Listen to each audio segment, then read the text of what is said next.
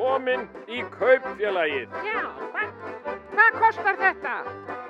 Hvað viltu borga? kaupfélagið! Komið í sæl og blessuð og velkomin í kaupfélagið.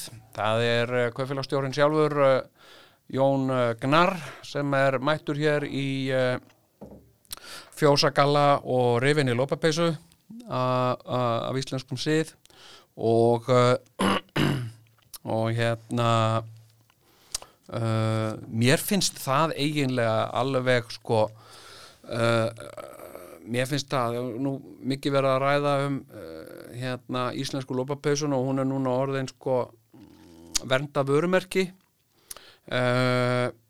Og sko mér finnst alltaf sko hérna mér finnst sko íslenska lópapeysan eigi alltaf að vera sko uh, rifin á, á, á hérna olbónum eða eitt á olbónum og, uh, og hérna og helst í hálsmálinu líka á fullorðnu fólki. Og mér finnst sko mér finnst alveg, alveg krútlegt að, að hérna að, að börn séu í nýjum eða nýlegum lópapessum en, en hérna og, og kannski uh, konum fara konum ágætlega uh, hérna og, og hérna og það er kannski vilja ekki ganga í, í uh, ribnu en, en svona kallar, mér finnst að kalla ég, ég sko, mér líður alltaf best í, í göðrifinni lopapeysu og, og, og þetta gildir líka um færisku lopapeyssuna, mér finnst hún eigi að vera rifin og, og hérna uh, ég og tvær uh, færiskar peysur uh, svona neftar eða rendar hérna í hálsin sko.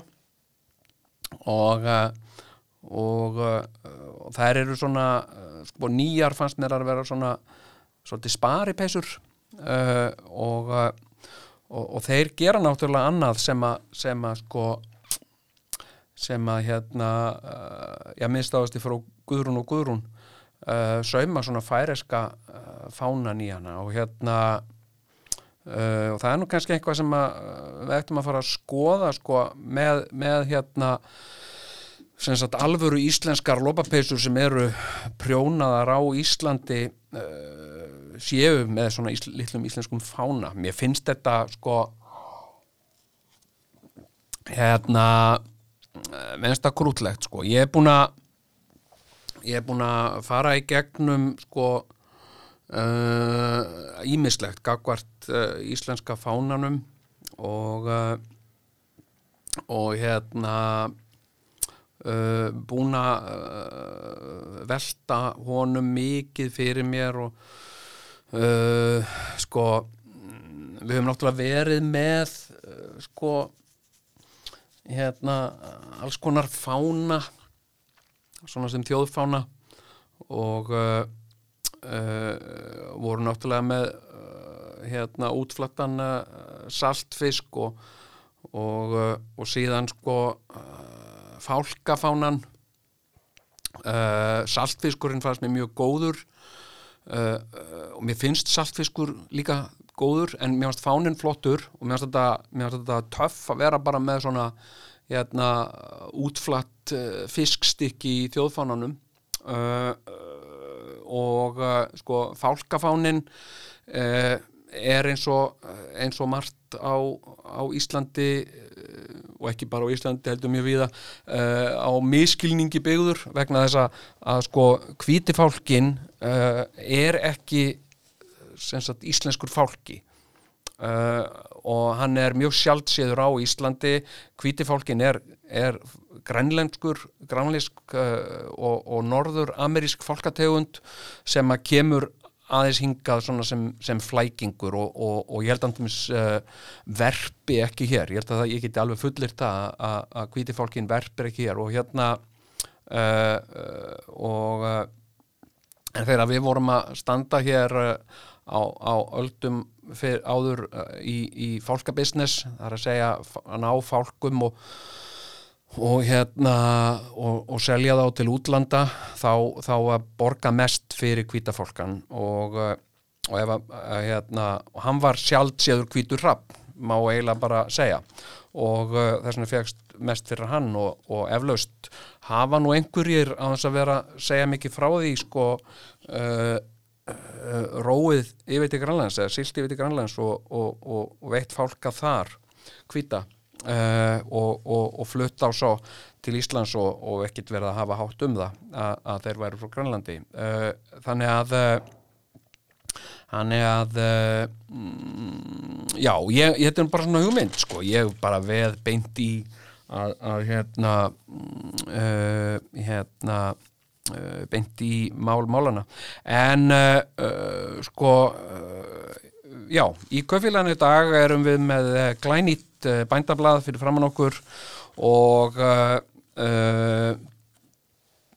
og, á uh, forsíðunni er stór mynd af, af hérna af svona 10-15 ferðamönnum að, að skoða hérna gullfoss í klakaböndum og uh, og hér uh, stendur undir að trátt fyrir veirufaraldurinn hefur talsverður fjöldi ferðamanna heimsótt Ísland undarfarnar vikur. Og, uh, og hérna og það er mjög gott. Uh, en á forsíðun er grein sem að mér langar að koma aðeins hérna inn á betur og eftir sko um um hérna fæðuöryggi hérna á Íslandi sem er mjög mikilvægt uh, mál bara núna og verður eitthvað sem að uh, við munum vísast taka uh, miklu fastari tökum í framtíðinni heldur en við höfum gert hinga til.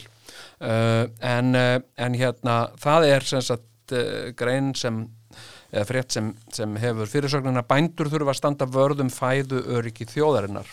Og það er bara Uh, sér það held ég hver uh, helvita maður núna á þessum tímum að það er eitthvað sem að verður að taka mjög föstum tökum og uh, og hérna og ég held að það bara verði sjálfkrafa gert. Það þarf ekki að það þarf ekki að þræta um það við nokkurt mann lengur held ég. Og, og hérna en ég var að hugsa sko ég hérna þegar ég lappaði hingað í, í, í bændahöllina í, í, hérna krabbinu uh, í morgun. Uh, þá var ég að hugsa alls konar. Mér er svo gott að lappa það er eitthvað sko indislegasta sem ég geri uh, að fara út að lappa og láta hugan reyka bara mér finnst það mér finnst það svo aðtiklisvert og svona og líka bara oft sko uh, þetta er svona ákveðin hugleisla fyrir mig og kannski er þetta uh, viðurkjönd hugleisla en, uh, en hérna ég uh, lappa uh, og ég er uh, svona oft lappa ég stefnulaust og, og hérna ráfa stefnulaust um götur uh, borgarinnar og svolítið eftir því sérstaklega veturnar sko. Uh, þá, þá, þá, þá ræðist ráfið mitt bara færð og veðri. Uh, hérna sagt ef, að, ef að það er rók þá fer ég ákveðna leiðir ef það er ryggning þá fer ég aðra leiðir og ef það er snjóðþungt eða, eða slapp þá vel ég mér leiðir eftir því. En en ekki að, að, að, hérna, að vaða hér podla þannig að uh, og þá læti ég stundum stundum er ég að hlusta á hljóðbækur eða, eða einhver podcast, minnst podcast alveg ofbóslega skemmtilegt fyrirbæri. Uh, og ég var eiginlega svona átt að með á því að mér finnst sko podcast uh, skemmtilegri heldur en, heldur en bækur og uh, ég, ég myndi frekar velja að hlusta á podcast um eitthvað málefni heldur en að hlusta á hljóðbókum sama málefni. Uh, mér finnst bara svo gaman af, uh, af sko uh, þeirri orku sem verður til í samtali. Mér finnst það bara eitthvað mér finnst það bara eitthvað svo heillandi. Og og hérna, en stundum er ég ekki með neitt uh, og þá, þá uh, ráfa ég svona um og, uh, og ég leifi huganum mínum bara að ráfa og, og þegar ég mér tekst virkilega vel upp þá leifi ég huganum mínum að ráfa en stend sjálfur einhvern veginn álengdar og fylgist með honum. Og, og þetta er eitthvað sem að sem er sömu náttúru og að eiga hund uh, hérna mm, ég, ég á hund og og, uh, og þegar við förum út saman félagarnir þá er ég mitt ofta að leifa honum að ráfa svolítið en ég hef svona fylgist með honum og, og ég er svona pæli honum. Hvað er hann að, og ég sé á honum líka uh, sko ég sé á höndunum mínum ef hann þarf að skýta uh, og ég, ég, ég sé á honum þegar hann er að þefa af einhverju hvort hann er að að að leita góðum stað til að skýta á eða hvort hann er að afla upplýsinga um einhverja sem hafa farið þarna um áður.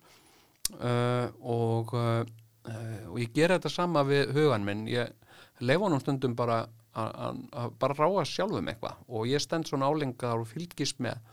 Og mér finnst oft aðtiklisvert uh, hvað hugurinn minn uh, ákveður að, uh, já, hvaða leiðir hugurinn minn ákveður að fara. Mér finnst það oft mjög aðtiklisvert uh, og það er oft sko leiðir sem að ég sjálfur hefði kannski ekkit valið að fara en ég sé að hugurinn minn uh, sko hugurinn hefur sjálfstæðan vilja uh, og uh, halda að við höfum, höfum stjórn á huganum. Uh, það eru ofsögur. Við höfum ákaflega litla stjórn á huganum. Hann fer sínar eigin leiðir. Og uh, hugurinn er svolítið sko getur verið bara eins og köttur að því leiti sko uh, að, að hérna og uh, hugurinn minn var að að- að að fara uh, við það og hérna og hérna uh, ég, ég ennbla fór sko uh, niður í morgun að sækja blöðina því að ég bjóst við því að fréttablaði væri komið en það var ekki komið, það voru þarna tvönur blöð og, og, uh, og hérna uh, og ég, ég líka um það og ég menna það er bara sko uh, það er bara þannig uh, ég, sem sagt, þetta er eitt af morgunverkonum það er að taka uh, hjá mér, sko, taka blöðin og, og, og, og annan ruslpost eins og ég segi hérna, og, og fleia því í, í papirstununa uh, vegna þess að ég, ég líti ekki einu sinni í þetta sko. Og uh, uh, einhverja svona bæklinga uh, frá rúmfattalagarnum og eitthvað svona dót sko. Uh, hérna og ég varð svo varð svo uh, skemmtilega var við það sko að þegar að, þegar að sko verkfall eblingar stóð hér yfir í Reykjavík þá voru sko tunnurnar ekki tæmdar. Var reyndar gerð þarna ein undanþáa uh, að því að uh, sko heimilisorptunnurnar voru byrjaðar að, sko það voru byrjaðar að fjúka sko ruslapokar um göturnar og þetta bara af heilsufars ástæðum og út af uh, COVID-faraldrinum þá var gerð undantekning og, og sorptunurnar voru, voru tæmdar en ekki plast og papírstunurnar og, og þær voru búin að standa þarna bara ótæmdar í, í mánu og ég bý í fjölbýlishúsi og og hérna ég var mynd að pæla í því sko hérna sko papírs uh, okkar var orðin alveg yfirfull og, uh, og hérna þannig að ég tók mig til og, og fór út með, með hérna stóran svartan ruslaboka og, og týndi upp úr papírstunnunni áður en það byrjaði að fjúka haldnum hverfið. Og þetta var rosa mikið bara dagblöð og ruslpóstur. Og, uh, og hérna uh, sko, mér finnst það svo aðtil ég, var að hugsa um að taka mynd af þessu eitthvað en, og, og, og hérna en, en svo bara gerði ég það ekkert líka bara því þetta er þú veist, þetta er ekkit bara mín ruslatunna, þetta eru fleiri hérna í húsun og fólk kæri sér kannski ekkit um að, að, að hérna að aðrir sé að fá einhverjar upplýsingar, einhverjar nákvæmar upplýsingar um, um rusl fólks og, og hérna uh, og ég glettilega uh, sko uh, séður í svona sko hérna uh, ég er svo, svo, svo opbóðslega tillitsamur einhvern veginn að eðlisfari. Ég hérna en, en sko, en ég get talað um þetta uh, og uh, já, rosa mikið sko uh, blöð uh, í pappistununni sem er bara uh, sko ruslpóstur og hérna og hérna, eða ruslpóstur ég segi uh, dagblöð.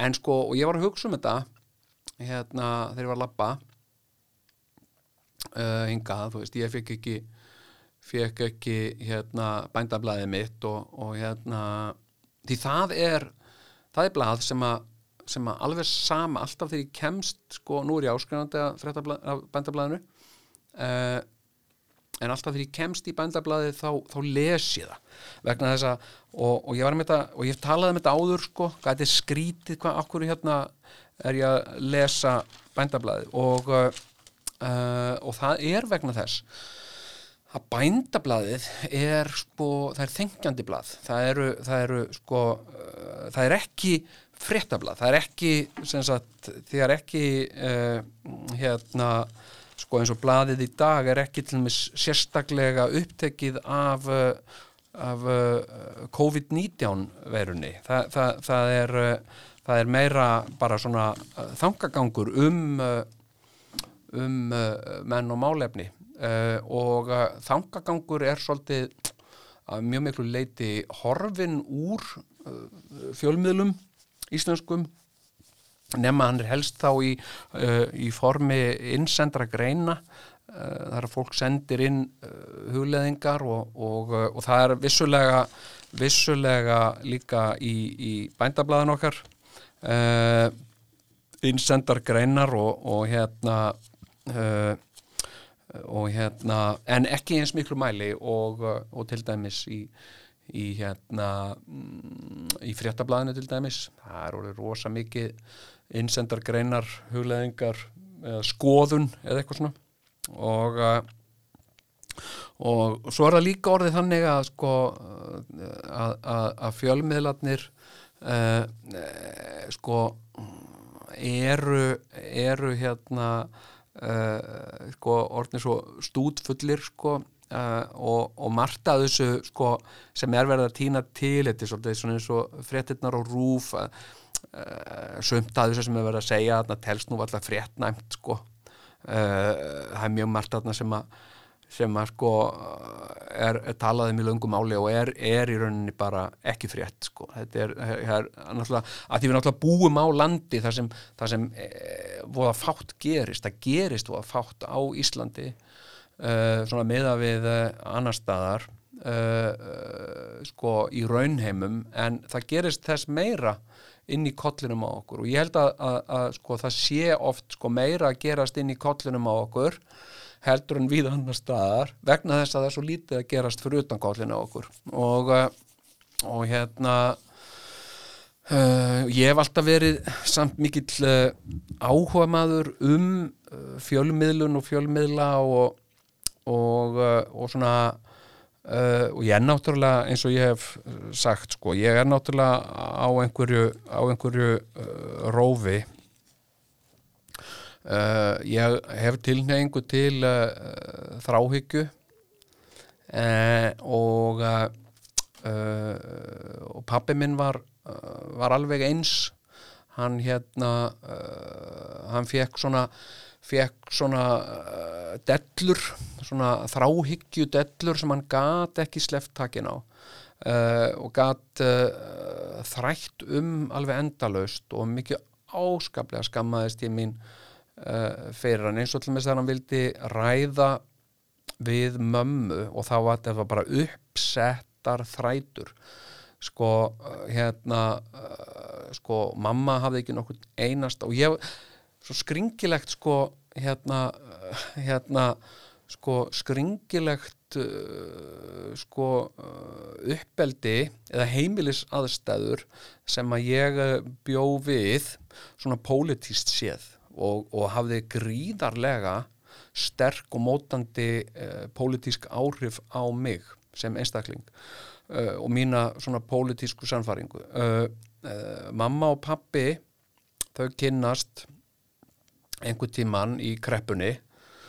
Kreppunni segi ég eins og, eins og sé bara einn kreppa. Nei, kreppunni miklu 1930 eitthvað svo leiðis og, uh, og hérna uh, mamma uh, sko hennar fólk uh, kom, kom frá, frá Selfossi og Eirarbakka og Stokkseri og þaðan. Og, og, með minnir að amma og afi hafi flutt til Reykjavíkur eftir að eða langamma og langafi hafi flutt til Reykjavíkur eftir að eftir að hérna kotið þeirra hrundi í Suðurlandskjáltanum uh, og uh, og í stað þess að fara að hlaða upp einhverju uh, torfi aftur þá bara fóruðu og, og hérna mm, og legðu sér uh, bakhús í, í einhver staðar í Þingoltónum og hérna Bergstaðastrætinu einhver staðar og hérna og uh, þannig að am, mamma var uh, fætt og uppalinn hérna í Reykjavík uh, og hún var sko hún var af svona sjálfstæðisfólki. Hérna það voru öllir mamma og, og all, all hennar fjölskylda þetta var sjálfstæðismenn uh, og, uh, og hérna fólk sem að uh, sem að kaus rétt eins og það kallaði það en hugsaði að öðru leiti ekki mikið um stjórnmál. Mamma var ekkit mikið að pæla í stjórnmálum hún kaus uh, sjálfstæðisflokkin uh, og, og eins og allt hennar fólk og hérna pappi aftur á móti pappi sko kemur sko uh, hérna bóndasonur að vestan og, og hérna sko já, þú veist, þetta er það sko uh, bóndar og bændur. Uh, uh, að því við erum að fara að ræða eins, ég er eins að fara innleðingu inn í íslenskt mál.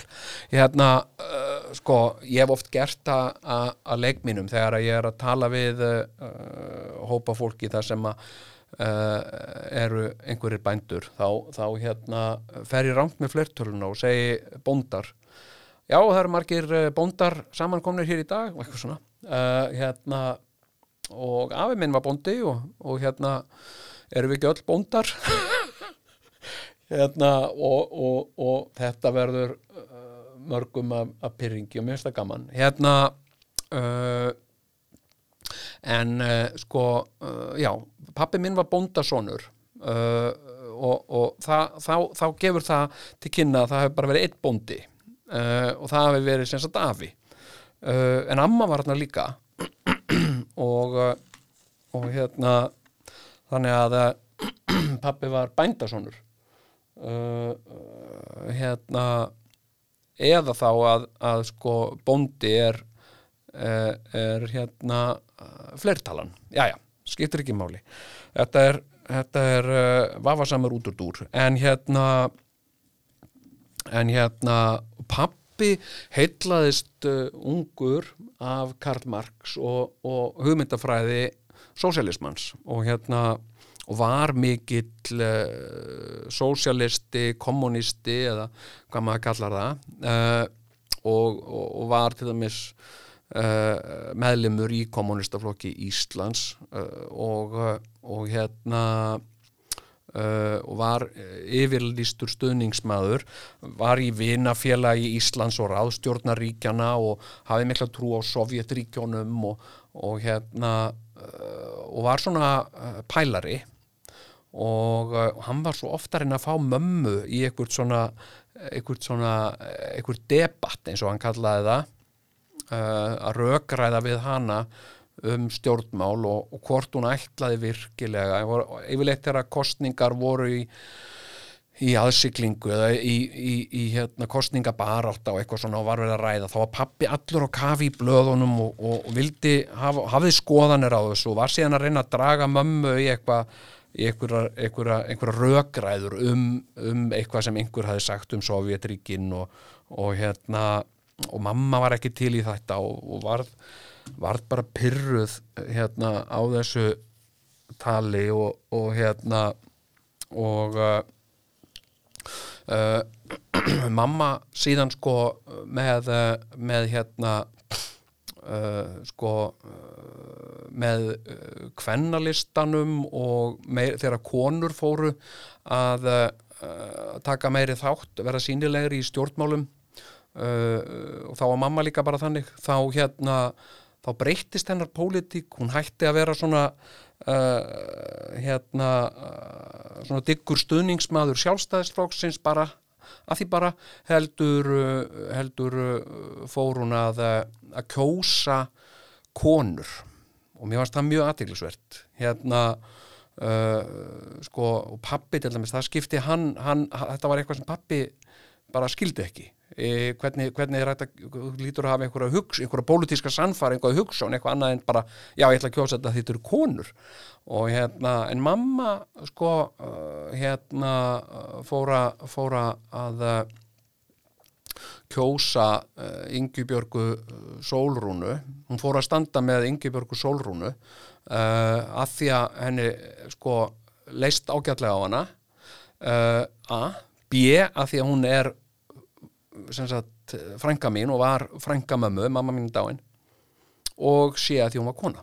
Uh, og, uh, og hérna uh, og mamma sagði þetta eitthvað já ég er hugsa um að kjósa bara hann að engi björgusólrunu og hérna og pappi var alveg arfa vittlust yfir þessu og var alltaf svona dragana e, út í eitthvað svona svona hérna uh, debatt. En, en En hérna þetta, þetta svona, þessar fyrirmyndir sem ég hafði í, í mömmu og pappa, það er svona uh, mótuðu, sko, uh, mótuðu hérna uh, mínar, mínar svona pólitísku skoðanir, eða svona afstöðu mína, mínar, mína til stjórnmála.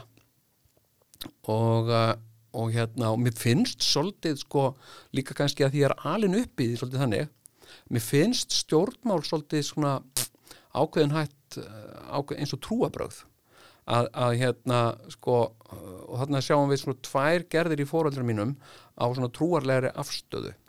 Uh, mamma var uh, mjög uh, borgarlega sinnuð hérna og, og svona trúði á borgarleg gildi eins og vinnusemi, sparsemi og uh, halda ég heiðri uh, svona einhver gildi eða hefðir eins og kjósa alltaf sjálfstæðisflokkin og, uh, og hérna fari í kirkju á, á ákveðnum dögum og, og hérna mamma var í fríkirkju söpmiðunum eins og, eins og hennar fólk og hérna Uh, mætti, mætti í, í hérna uh, í kirkjur svona á tillidögum en, en hún var ekki sérstaklega trúið mamma hafði engan áhuga á, á e, því sem stóð í biblíunni eða, eða e, einhver svo, hún var ekkert, þetta var meira svona e, þetta var meira svona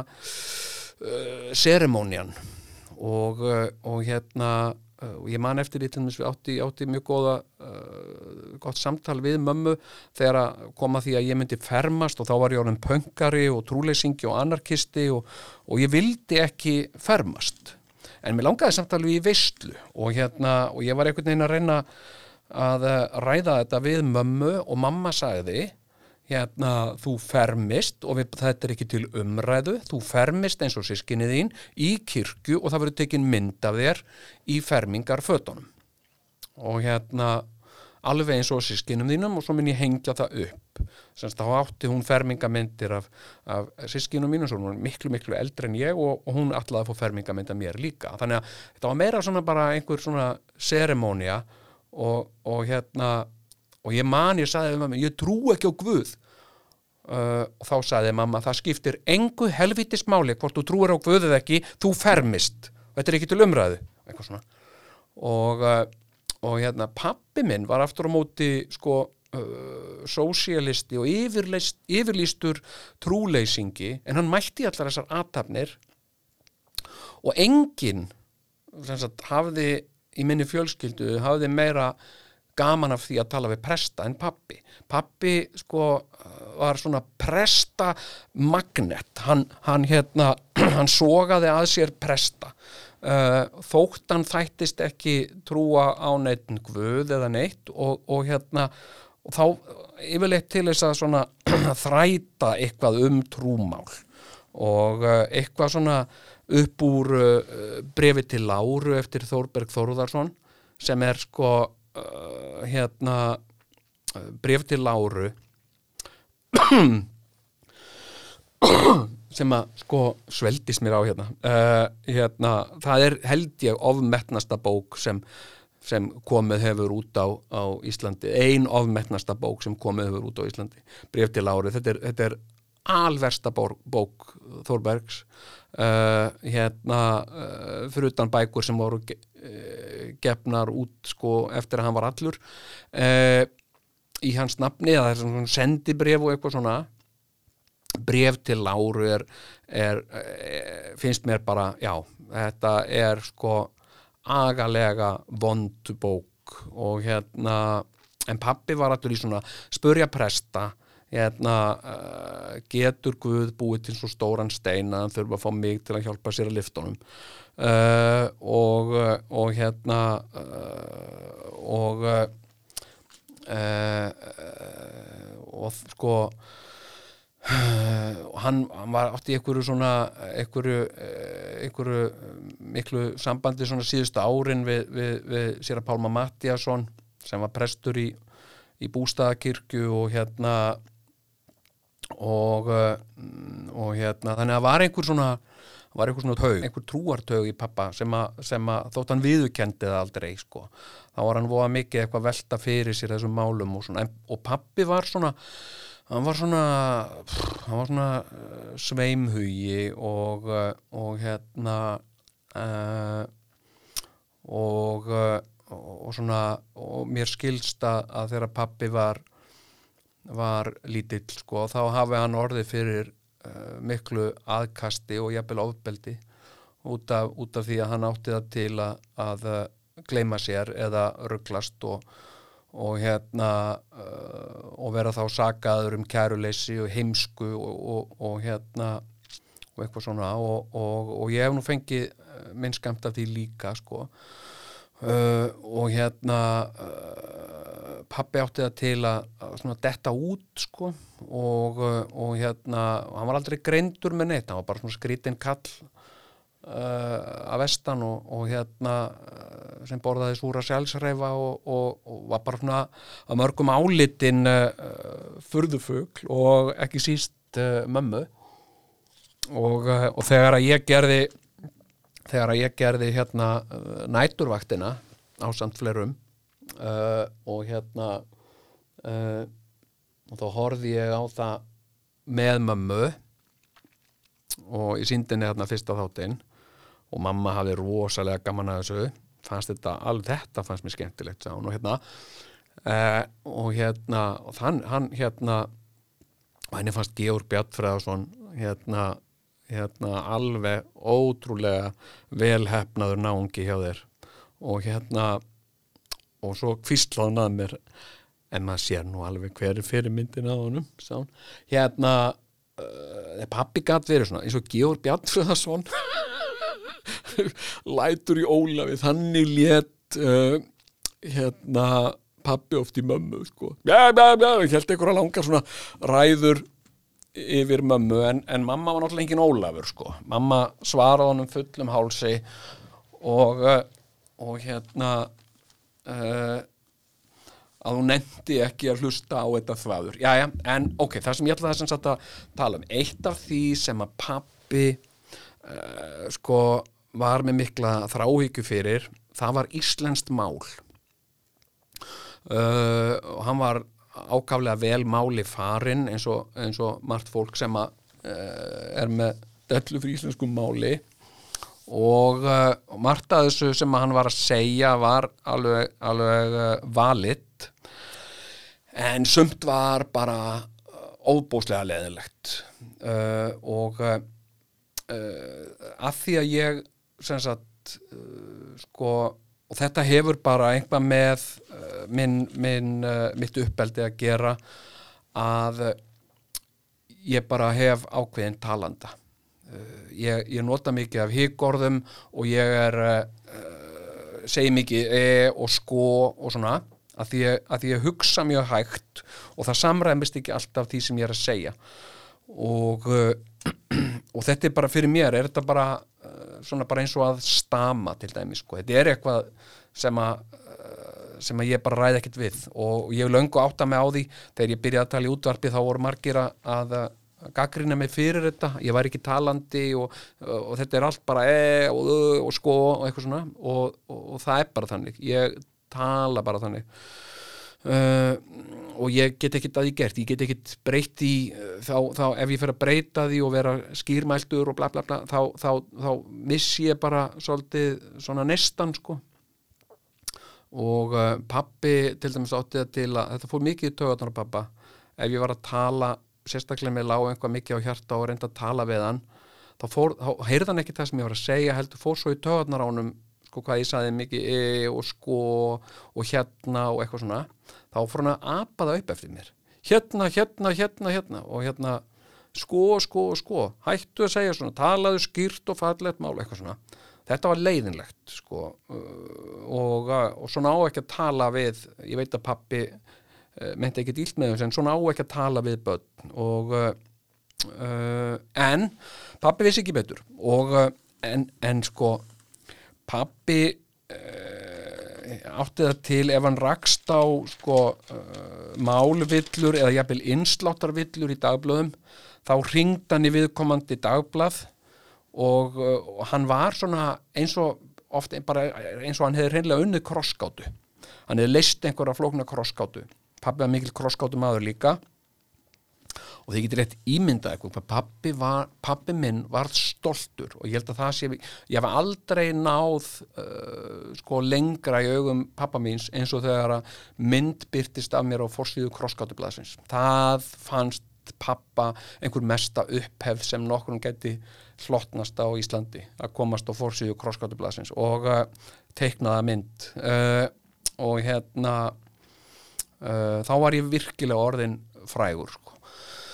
en pappi þá ringdi þá í fjölmiðla morgumblaðið og þetta var til dæmis á, á, á sko upphafsárum uh, sambandsfóreldra minna þá var til dæmis þjóðviljin, það var alveg að því að amma, mamma, sem sagt móður amma mín, mamma mömmu hún sem sagt bjó á, á heimilinu með mamma og pappa og pappi var áskanat á þjóðviljunum uh, mamma, amma var mikil sjálfstæðiskona og hún var eina af þessum konum sem að, sem sagt á kostningum þá fór hún í upplutt og, uh, og það kom Uh, sagt, maður frá sjálfstæðisfloknum og sótt hana til að keira hana á kjörstað.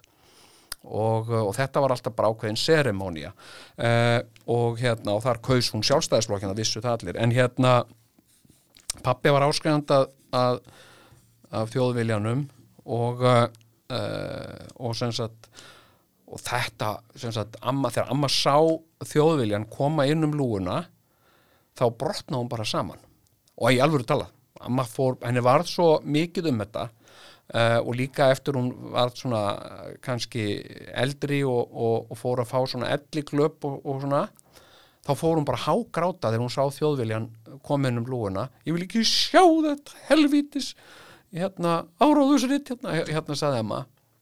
Og uh, þá var þetta sem sagt að pappi bað uh, hérna bladastrákin um að setja þjóðviljan og ná ruslatununa í ruslageimslunni en ekki um lúuna því að, því að sko amma mátt ekki sko hún og ef hún komst í þjóðvölan þá reyf hún hann bara í tætlur en fannst þetta bara sorpritt sem hann var nú reyndar ekki. Þjóðvölin var alveg þengjandi og oft skemmtileg sérstaklega helgablaðið.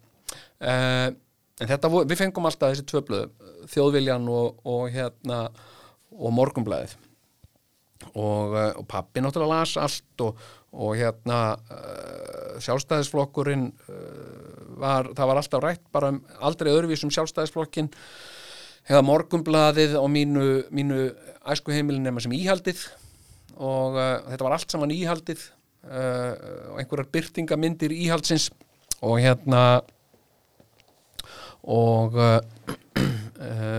já, en hérna og þetta gerði ég líka sem krakki, þú veist, þetta var bara serjós og, og hérna og fletta blöðunum.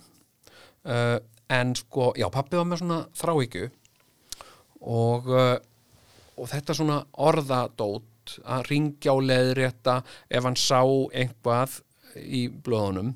Síðan þegar að þjóðarsálin uh, byrjaði á Rástvö uh, og uh, Sigur ekki Tómasson uh, var, nú, var nú lengi með það. Þar sem að, þar sem að fólk og aðalega einhverju hverulandar gátur hringt til þess að ræða eitthvað málefni og, og hérna og fengu bara sagt að, að hljóma í útvarpinu.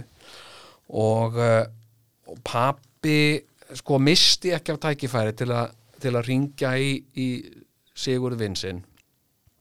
Og, uh, og hérna oft til þess að leðrétta eitthvað svona eitthvað sem hann hafi heyrt einhvern segja í útvarpinu. Og eitthvað sem hafi verið í fréttum. Og, og jafnvel eitthvað sem að, sko, var í morgumblaðinu uh, og ég man til með eftir einu sko, þetta, vor, þetta var hryllingur sko. hérna fyrir mig sko. þannig er ég sko kannski 13-14 ára uh, að sjá pappa sko bíspertan á hlýraból með, með hárið allt út í loftið uh, pappi greiddi sér uh, sko uh, ekki nema hann þurfti þess nöðsynlega annars var hárið á honum bara einhvern veginn út í loftið uh, og í hlýraból pappi var ákaflega heitfengur. Uh, hann var náttúrulega sko hann var tröll.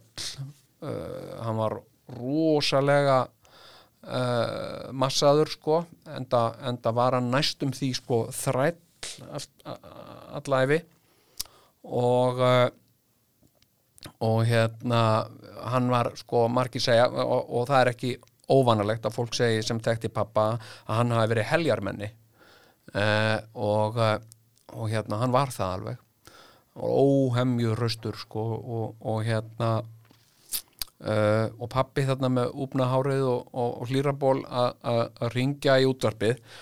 Þetta var bara, ég þjáðist sko, bara af því að heyra í honum uh, ég skammaðist mín alveg óbóðslega fyrir að eiga svona skrítin pappa og uh, og hérna uh, og mér var náttúrulega oft sko uh, strítt á hann með þess að, krökkum í göttunni fannst og hverfunu fannst pappi skrítin og, og hérna og hérna og hann gerði svona skrítna hluti þú veist, var svíðandi hérna uh, svíða selsausa út í bílskúr með opin bílskúrin og, og hérna og, og þessa ógeðslegu lykt lagði yfir allt hverfið, þetta kom fólk til að gá, hvað hva er í gangi hérna? Og pappi var svo ánæður, ég er að svíða ég er að svíða gónur hérna og eitthvað svona. Og hérna uh, og, þetta varð smá uh, stríðni svona, ég fann að ég, ég mistóðast, ég skammaðist mér fyrir þetta. Og þegar hann fóra að ringja svona í útvarpið, það fannst mér uh, mér fannst hann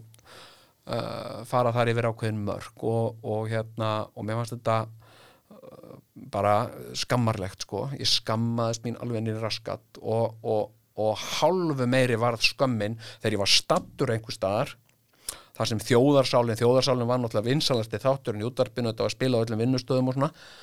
Uh, og svo allt í hennu heyrði ég bara sem sagt hérna og uh, næsti hlustand á línunni er Kristinn Óskarsson. Já, kontur sæl Kristinn, já, góðan daginn og eitthvað svona, og þá bara, mér langaði ég vissi ekki, ég vissi ekki, mér langaði svo að hlaupa eitthvað bara út í hafsöga uh, og ég gæti ekki sagt nokkru manni allir voru að hlusta á þetta, ég gæti ekki sagt þú veist, ég hef aldrei sagt, hei, þetta er pappi minn. Ég, þú veist, ég skammaðist mín svo einlaglega mikið fyrir hann, sko.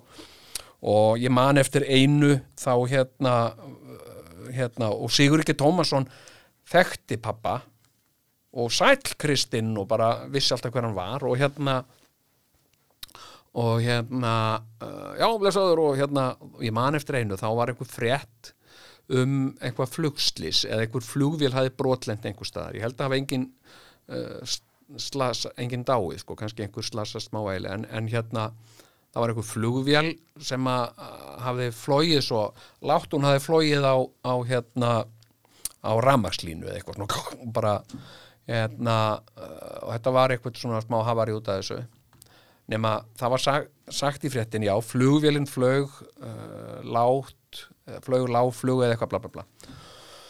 Og pappi var að ringi sigur út af þessu og segja við hann, já, hann út af fréttum að þessari flugvél þarna sem flög langt og hérna stendur, þá var hann með blaði fyrir fram að sig, hérna stendur flugvélinn flög, hérna, bla bla bla. Já, einmitt sagði Sigurður, þetta er alveg hræðilegt en var þetta sjálffljúandi flugvél?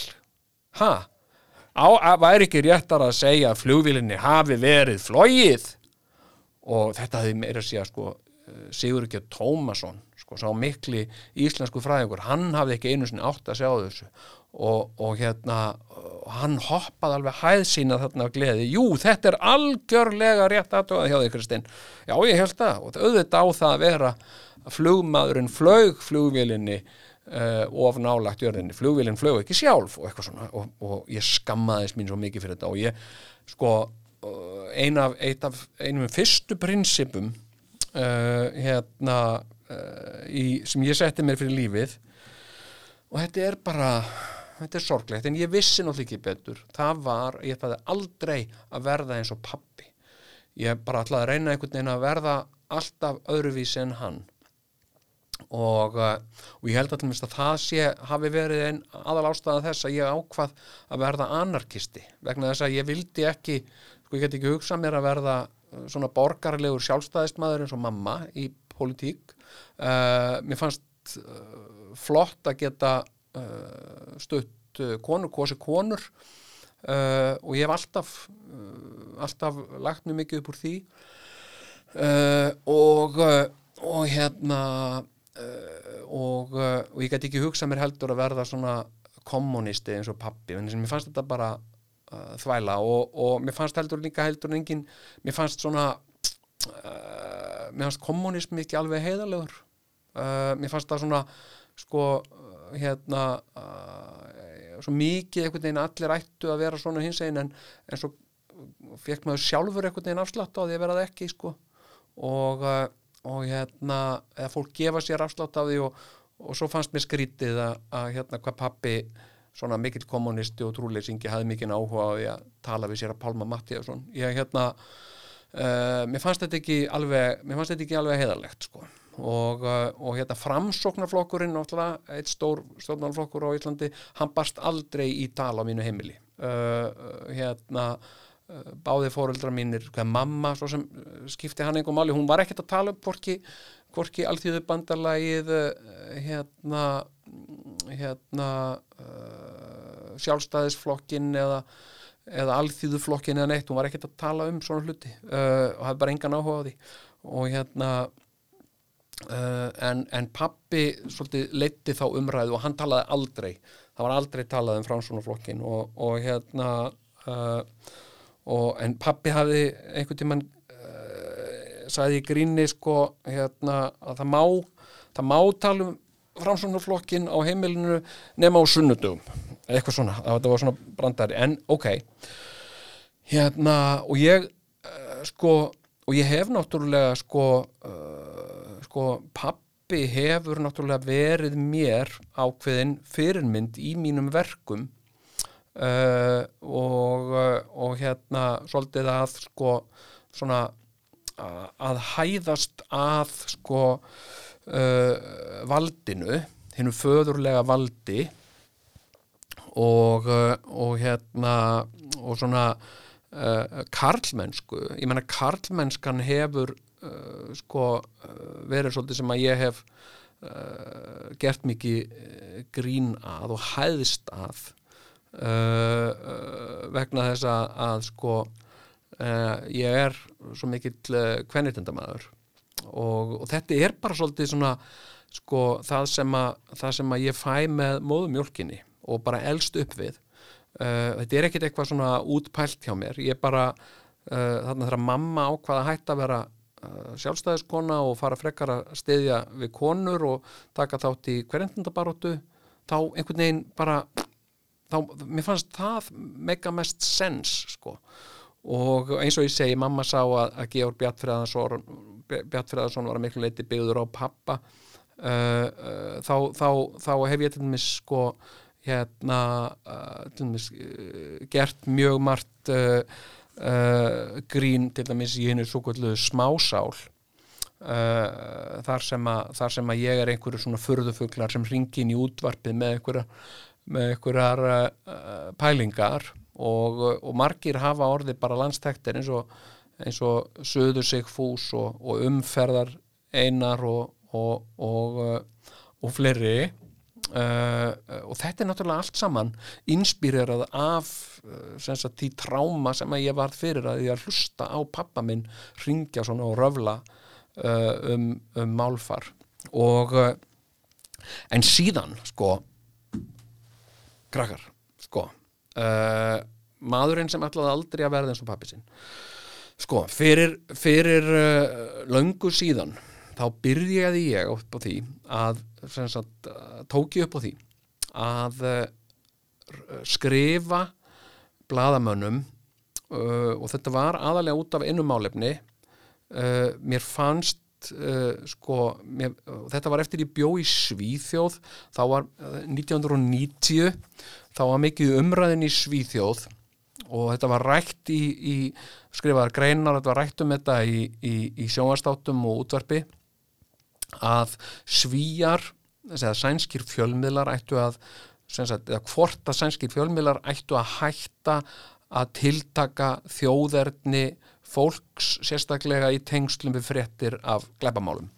Og, uh, og, hérna, og ég fylgdist mjög með þessari uh, umræðu vegna þess að uh, ég var náttúrulega innflytjandi, ég var Íslendingur og, og hérna og orðspór Íslendinga í Svíþjóð var ekkert sérstaklega gott vegna þess að, að það var oft verið að segja frá því í, í, hérna, í fjölmiðlum að Íslendingar væru að koma til Svíþjóðar til þess að fara á féló til þess að leggjast á sósjalinn og uh, og það voru stundum eitthvað, eitthvað fréttir um þetta og, og, og þetta var oft svona haft í flimtingum sko, að, að Íslendingar væru bara koma þarna til Svíþjóða til þess að vera á spena á Sænska ríkinu. Og hérna, hérna þannig að ég, ég hlustaði mjög eftir þessar umræðu og, og hérna Uh, og uh, ég skil sænsku nokkur megin 100% uh, og, og þótt ég tala hana kannski núna ég les hana já 100% en ég tala hana kannski ekki nema 40-50% af því að ég er fann að reyðka mikið í þessu. En, en hérna ég fylgist mikið með þessar umræðu og, og niðurstaðan í þessar umræðu í Svíþjóð var svo að, að nei það, ætti, það væri ekki ástæða til þess að vera tiltaka þjóðerni fólks í tengslum við uh, fréttir af glæpum nema sérstök ástæða bæri til. Uh, og uh, það væri eitthvað, eitthvað í fréttinu sem gerði það verkum að það þyrti að koma fram. Og, og síðan sko voru sett einhver lög fjölmjöla lög þar sem að fjölmjölum í síðu var bannað að vera tiltaka uh, þjóðerni fólks sérstaklega í, í fréttum af glæpum nema sérstak ástæði bæri til. Og, uh, og hérna og það var þetta með sko, ég man eftir umræðum um það sko, þetta með sem svo þegar uh, rúsneska mafían svo kallaða var að riðja sér til rúms í Svíþjóð uh, að þá þá hérna, uh, þá mátti segja það. að menn, þetta voru bara skipuljóð glæpasamtök sem að uh, voru kölluð rúsneska mafían og, uh, og komu frá þessum uh, fyrirverandi Sovjetríkjum uh, eftir, eftir fall múrsins og, og hérna og voru að svona útfæra sína, sína skipulöðu glæpastarfsemi í Svíþjóð. En sko og en, en sagt uh, hérna, þannig að sko fyrirsagnir eins og, eins og sást nú einu sinn í, í blaði hér á Íslandi og ég reyndar ekki fundið þetta á tímaritt.is en þetta var í, í hérna í uh, einhverju blaði held ég fyrir vestan. Sem sagt fyrirsögnin grænlendingur réðist á mann.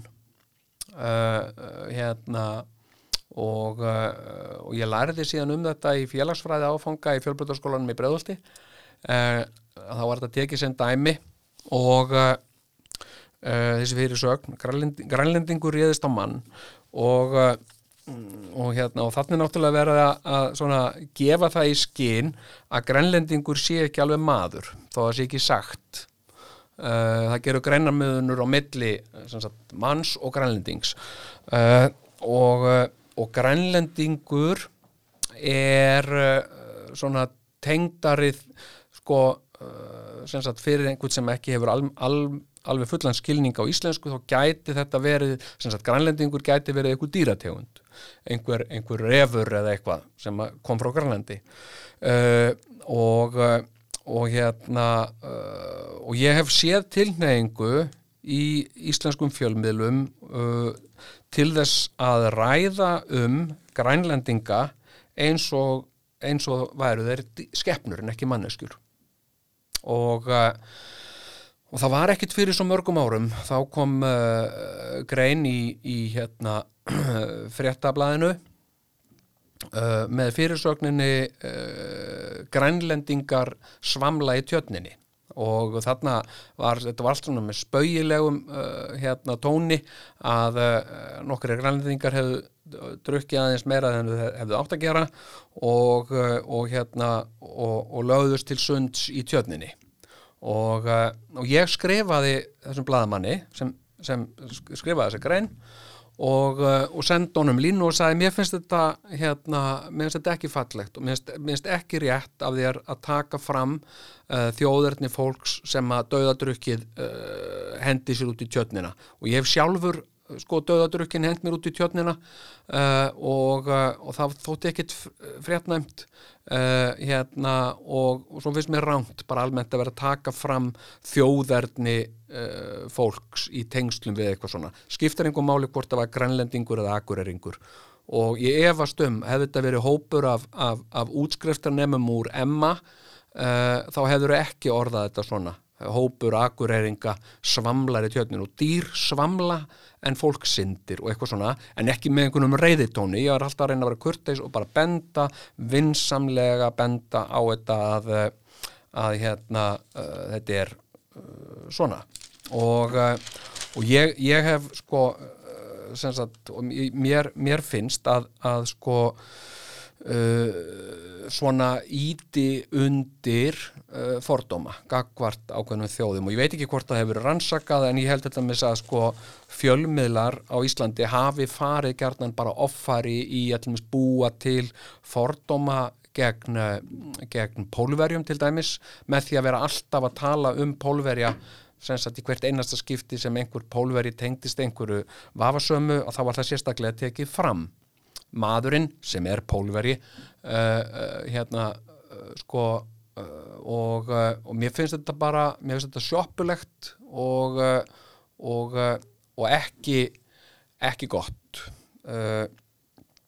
Og og hérna og ég sé mig alveg, hef séð mig knúin til þess og þetta hefur bara líka verið svona ákveðin mannréttinda bara og mér finnst engin meiri ástæða til þess að segja þjóðerni eða skiptir ekki máli held, eða frekar en bara kynneigð uh, hérna maðurinn sem er hommi sem sagt uh, hérna sko maðurinn hérna sem er samkynneður hefur áður komið við sögulegur eitthvað svona. Það bara skiptir einhver máli.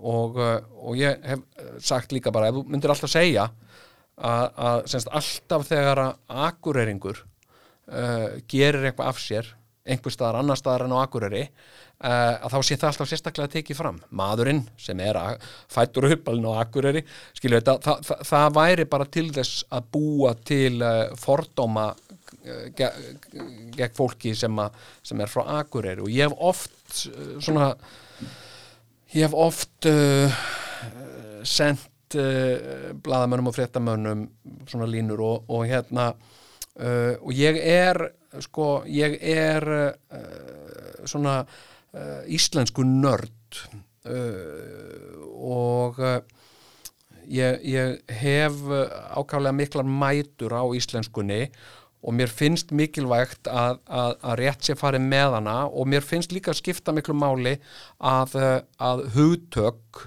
og heiti séu vel hugsuð og, uh, og hérna og framsett. Uh, og það átilmis við hins og nýjirði uh, og, og hvernig við, hvernig við skilgreinum hluti uh, og það er bara til dæmis alveg gríðarlega mikið af, af flokkum Uh, hvað maður að segja bara uh, umræðu flokkum sem að, sko engin orð eru til yfir á íslensku eða bara mikil orðafátækt. Og ég er bent á, á margóft, til dæmis á bara orðafæðina okkar sko hugtaka, það er svo mikið sko hugtakaskortur í íslensku Uh, og þetta til dæmis gerir oft bara ómögulegt að ræða um hluti til dæmis eins og heimsbyggi það er mjög erfitt að ræða uh, um, um heimsbyggi uh, á íslensku. Vegna það er svo mikið af hugtökum sem að hafa verið illa þýtt eða bara hreinlega ekki, ekki þýtt og, og hérna og það gerir það bara verkum að það er oft Uh, hérna, erfitt að ræða svolítið og ég held að það setjum einn af, af aðal ástæðum þess hver, hversu lítil uh, heimsbyggileg umræða á sér stað uh, í íslensku samfélag. Mér finnst heimsbyggi ekki gott orð, ég finnst það ekkit gott orð, mér finnst það ætti frekar bara að vera filosófía, að eiga filosófiskar umræður og, og, og, og eins finnst mér menning annað vond orð og mér finnst það bara að vera kultúr. Og hérna og menni ég geta bara með góðri samvisku átt filosófiskar og kultíverðar umræður í heitapottunum eða samræður. Uh, og uh, og ég hef oft bent á þetta og það var til mig eins og sko ég stóði smá þrætum við uh, fréttamenn á, uh, á Rúf uh, sem sagt út af því þegar, þegar Volodymyr Selinski var, var kjörinn fórsett í Úgrænu hérna þá var oft sko það var talað um hann ímist sem sko grínista, grínisti verður fórsetti eða sem gamanleikara. Og, og það voru uh, svona uh, sko bara eftir málvitund og skilningi hvers og eins um, hva, hvaðan var nefndur. Og uh, en þetta sem verandi sko hafandi starfa sem grínisti á Íslandi eiginlega frá því fættist hérna þá, þá er sko gamanleikari er sko er bara ambaga, það er, það er í rauninni orðskripi sem er, sem er búið til af einhverjum sem hefur ekki vit eða skilning á komedíu.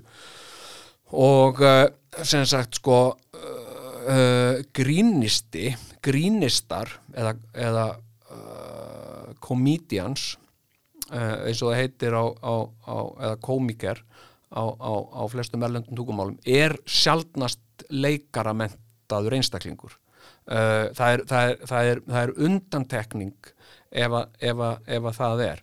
Síðan er annað sem að eru sem sagt, leikarar sem uh, leika mest uh, í grínmyndum eða grínleikritum.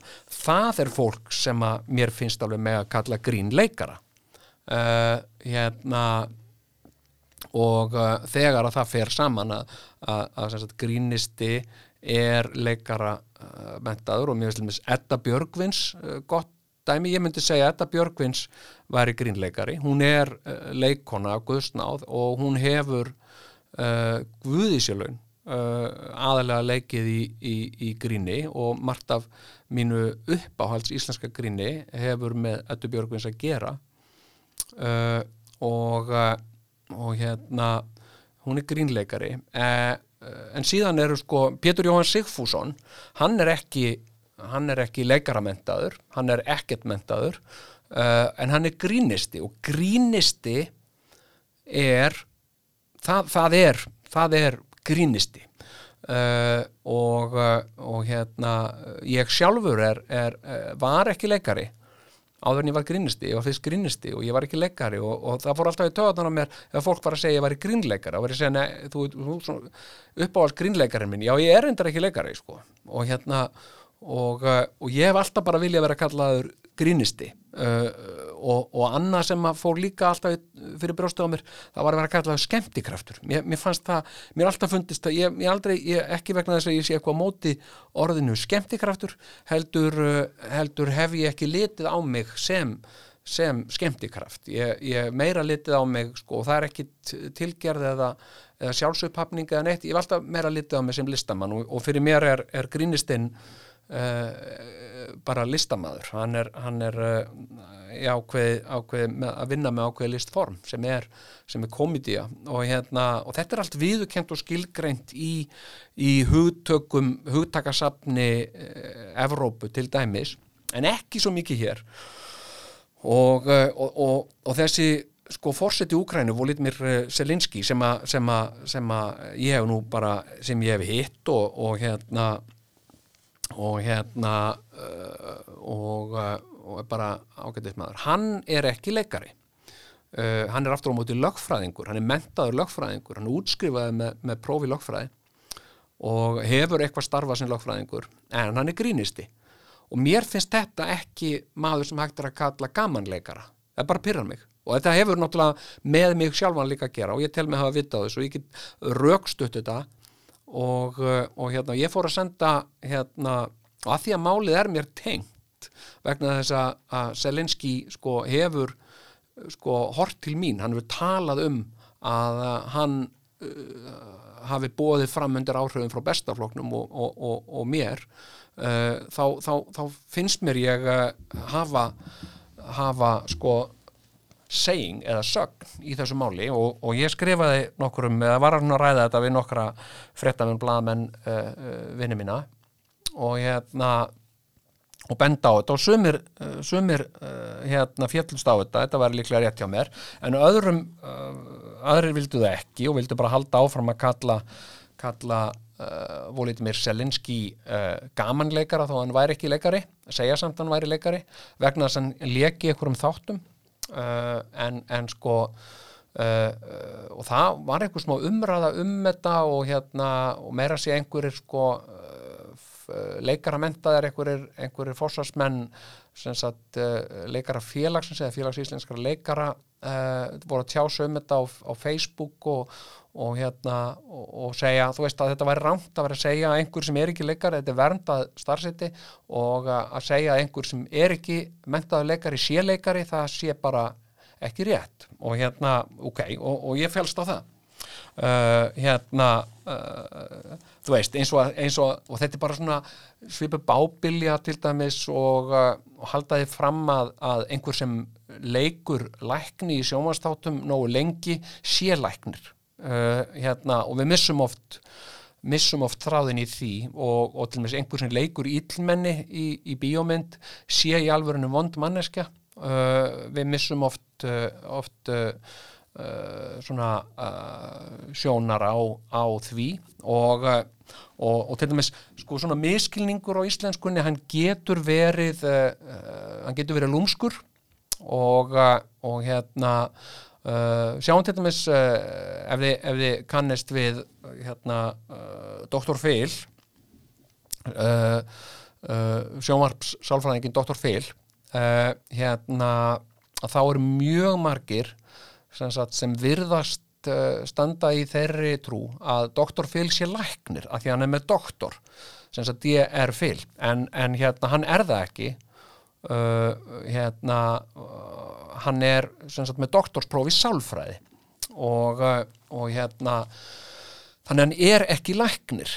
En, uh, en hérna Uh, sko og, og, og til dæmis þegar það er einhver, einhver er að skrifa einhvað, einhvern veginn fréttum eða einhver, einhver blamar að skrifa og segja að, að læknirinn, doktor Phil, bla bla bla þá, þá á ég það til að senda viðkomandi að segja bara, hann er ekki læknir, hann er hann er, hann er sem sagt með doktorspó í sálfræði. Og uh, ég myndi aldrei fara til læknis sem væri sálfræðingur uh, nema hann væri líka læknir. En hérna en hérna Uh, já og þetta, þetta hef ég svona uh, verið að uh, svona skipta mér af svona einhverju rullumtulli og þetta hefur undið upp á sig og líka með aldri. Sko hérna hérna sko það var til dæmis ágættur ráðherra sem ég hef mikla mætur á. Og sem var í sjónvarsviðtali uh, út af uh, COVID-19 verunni og, og aðgerðum stjórnvalda og svona. Uh, og þessi uh, ágæti uh, ráð þeirra og við skulum hérna uh, ekkert vera að segja hvors kynns hann er hann er bara ráð þeirra hann saði marg endurtekið að, að þetta ástand sem nú væri að ganga hér yfir væri algjörlega fordómalust algjörlega fordómalust ástand. Og hérna og, uh, og þetta er mismæli uh, og en mér klæjaði alveg að því þessi ágættir ráðara er nú ágættis kunningi minn og mér klæjaði alveg í pötana að segja, þú veist að þú sagðir eh, veist, hérna, en ég held aftur á mér og, og ég bara skrifa þetta bara á mismæli og ég hef nú sjálfur uh, aldeilis mismælt mig en, en þú veist, ef ég mismæli mig þá finnst mér, finnst mér ekkit að því að fólk bendi mér á það eða, eða jafnvel, þú veist, gerir grína mér eða eitthvað. Og, og hérna alveg eins og hérna í síðasta þætti þegar ég var að uh, flytja hérna kveðju uh, hérna uh, hérna til uh, hérna Raka uh, uh, Ragnar Bjarnason var jarðsungin uh, uh, ég var búin að tala um þetta í 20 mínútur þegar ég komst að ég var alltaf að tala um hann sem Ragnar Bragason sem er annar Ragnar sem að ég þekki. Og, uh, og hérna, ég þurfti að, ég gæti náttúrulega ekki sendt þetta svona út þannig ég þurfti að bara spóla tilbaka og byrja upp á nýtt. Og hérna, þannig að ég á alveg, alveg uh, mjög til að að, uh, að mismæla mig og, og fara rámt með sérstaklega nöfn sko. Uh, og uh, og hérna uh, og það eru svona nokkur orð sem að ég hef sko hérna hérna bent á. Og það ger ég kannski einu sinni max tvisvar í viku. Og þetta ég gert í mörg ár sko. Hérna uh, uh, þegar fólk segir eitthvað sér óhugulegt uh, hérna og þetta er ekki, þetta er ekki rétt. Þetta, er, þetta á að vera óhugnanlegt og, uh, og þarna rennur þetta fyrir miskilning saman við, við, við danska töku orðið hugulegt að eitthvað sé hugulegt og hérna eitthvað sem er óhugnanlegt eh, er ekki þar af leðandi óhugulegt. Það er enginn að segja að þetta sé, þetta er nú hugulegt en þetta hér er óhugulegt. Hérna, hérna er einhver morðingi og, og, og pyntingar og eitthvað, þetta finnst mér ekki hugulegt. Eh, þetta bara, hugsunin þarna er ekki, gengur ekki alveg upp eh, og þetta er náttúrulega óhugnaður, eitthvað sem manni hugnast ekki. Eh, og þarna er verið að svona, þarna eru tvö óskild orð svolítið að renna saman í eitt og, og stundum gerist það sko, uh, sko og maður getur skilið hugsun á bakviða uh, og ég er með spennt á til dæmis hvernig uh, sko, þegar sko heldri borgari þegar ég var að- alast upp þá var heldri borgari það var svona fínt fólk. Uh, Albert Guðmundsson var heldri borgari eða svona heldri borgarar í, sem byggu í betri hverfum uh, borgarinnar og, og hérna og, og fór í, í spásitúr á sunnudögum og það var svona uh, hérna svona heldra heldra fólk. Uh, og, og, hétgjarna Nordal eða Tórótsen og, heldra, heldri borgarar uh, en uh, með tímanum þá hefur hefur ekki að byrja á því að margir hafa rugglað saman heldri borgara og eldri borgara og gert úr því ákveðin hamborgara sem er þegar að sko gamalt fólk það er, það er, bara, það er farið að tala um gamalt fólk sem heldri borgara.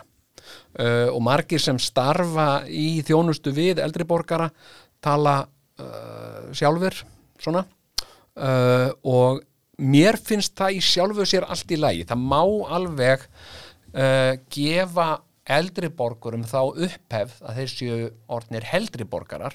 Mér finnst það allt í lagi. Og hérna þannig að auðvitað þarf tungumálið að gangi gegnum alls konar svona breytingar. Og, uh, og hérna og það er bara eðlilegt. Orð fá nýja merkingu og svona en mér finnst forsenda þess vera að það sé einhver, einhver hugsun það sé eitthvað sem að, sem að make sense í, í hugsuninni að því að það gerist en ekki bara að því bara.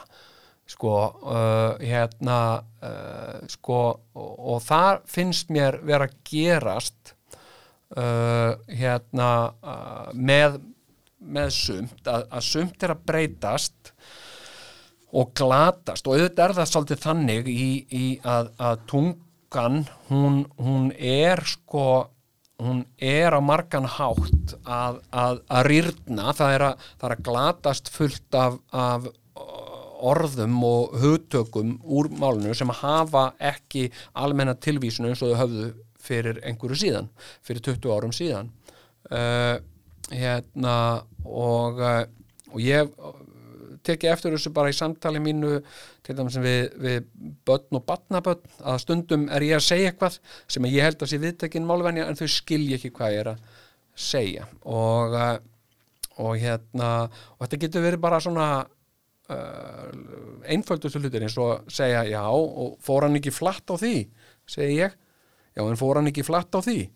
Og þá eiga börnin mín til ég að spurja mig, ha, hvað menur fór hann flatt já, já, sem sagt uh, hérna, uh, var það ekki einhvað uh, hérna hérna var uh, var það ekki eitthvað hérna uh, missefnaðist það ekki eitthvað? Já, uh, mennur það eitthvað svona, jú, það gerði það, já, hann fór hann flatt á því að hafa gert það.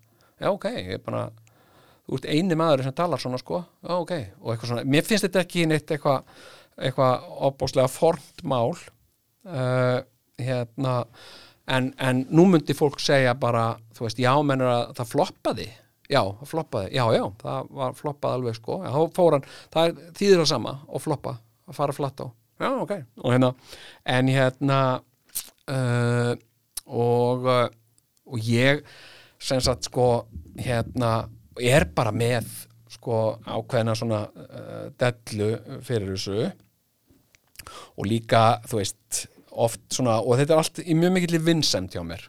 Uh, ég er ekkert að missa svefni yfir þessu neitt svo liðs þetta er bara, ég bara benda fólki vinsamlega á, sumir svara mér ekkert og mér er alveg saman um það, þeim er alveg sama og hérna uh, en uh, sko, í vikunni þá kom ég sjálfur mér óvart sko, ég sem sagt las grein eftir Bladamann Uh, uh, hérna uh, sem var með eitthvað góð hérna ráð til lesenda til, a, til að lifa af COVID-19 og kreppu og allt.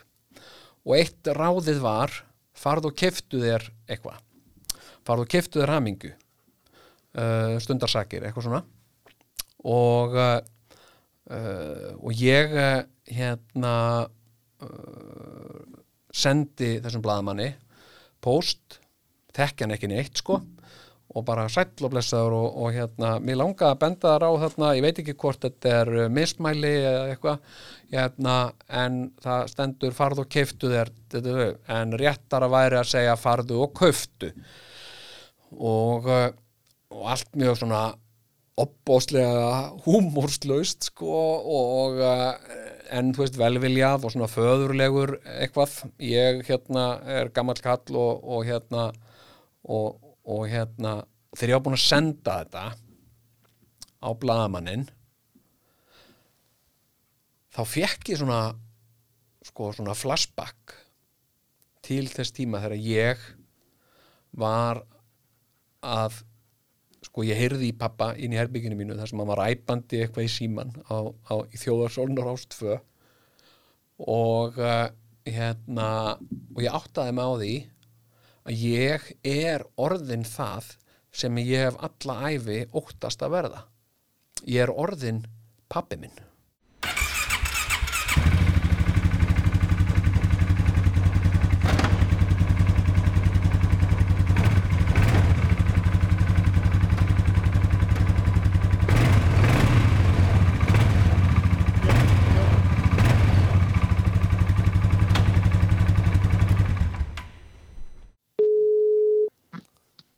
Já, góðan daginn. Já, blessaðu svo að menn þetta er Jón Gnar hérna Já, blessaði Jón. Er ég að trubla þig? Nei, alls ekki. Ég ætlaði bara að vaska upp hennar disk hérna og svo ætlaði ég að spila þig. Já, var, varstu með diskarna til að vaska upp? Já, ég var svona helt, á, ég var bara kláraðan, sko, var að leggja frá mér. Já, já. Og er það á Karlstöðum eða? Að Disk, er, Nei, ég- ha, er það á Karlstöðum, þar sem diskurinn er? Nei, já, já, já, já, já. já, já, já. Hérna, uh, heyrðu, ég, ég er að ringja í þig út af auglýsingu í bændablaðinu sem þið bændur eru nú mjög duglegir að lesa Já Það ekki? Jú, Jú, jú, rosaduleg. Ég er að lesa, er þess að bændablaði bara núna. Já, já, já, já, já. og ég er endar að gera það líka sko.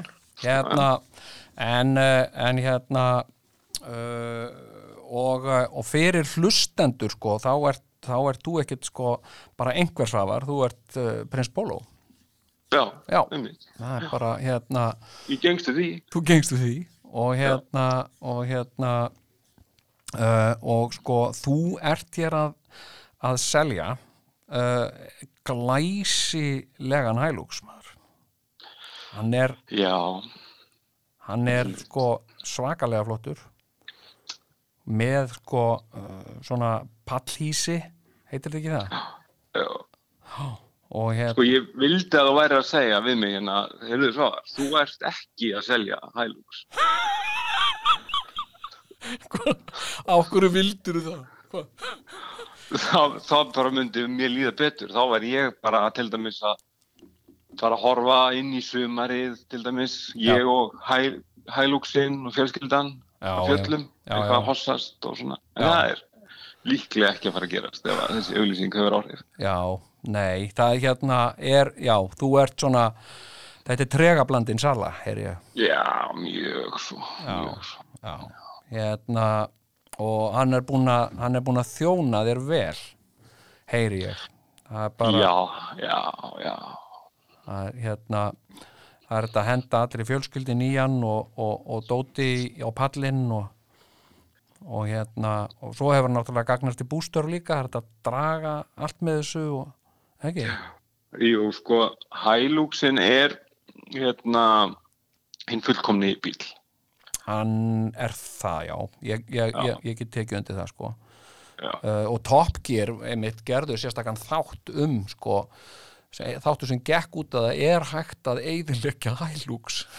Já, hérna, það sem, að, það sem að, sko, þau voru búin að gera, þau voru sett hann upp á, sko, hús sem, eða svona uh, blokk sem var síðan sprengt og hann var samt, hann hrundi niður, en hann var samt ökufæður eftir það, sko.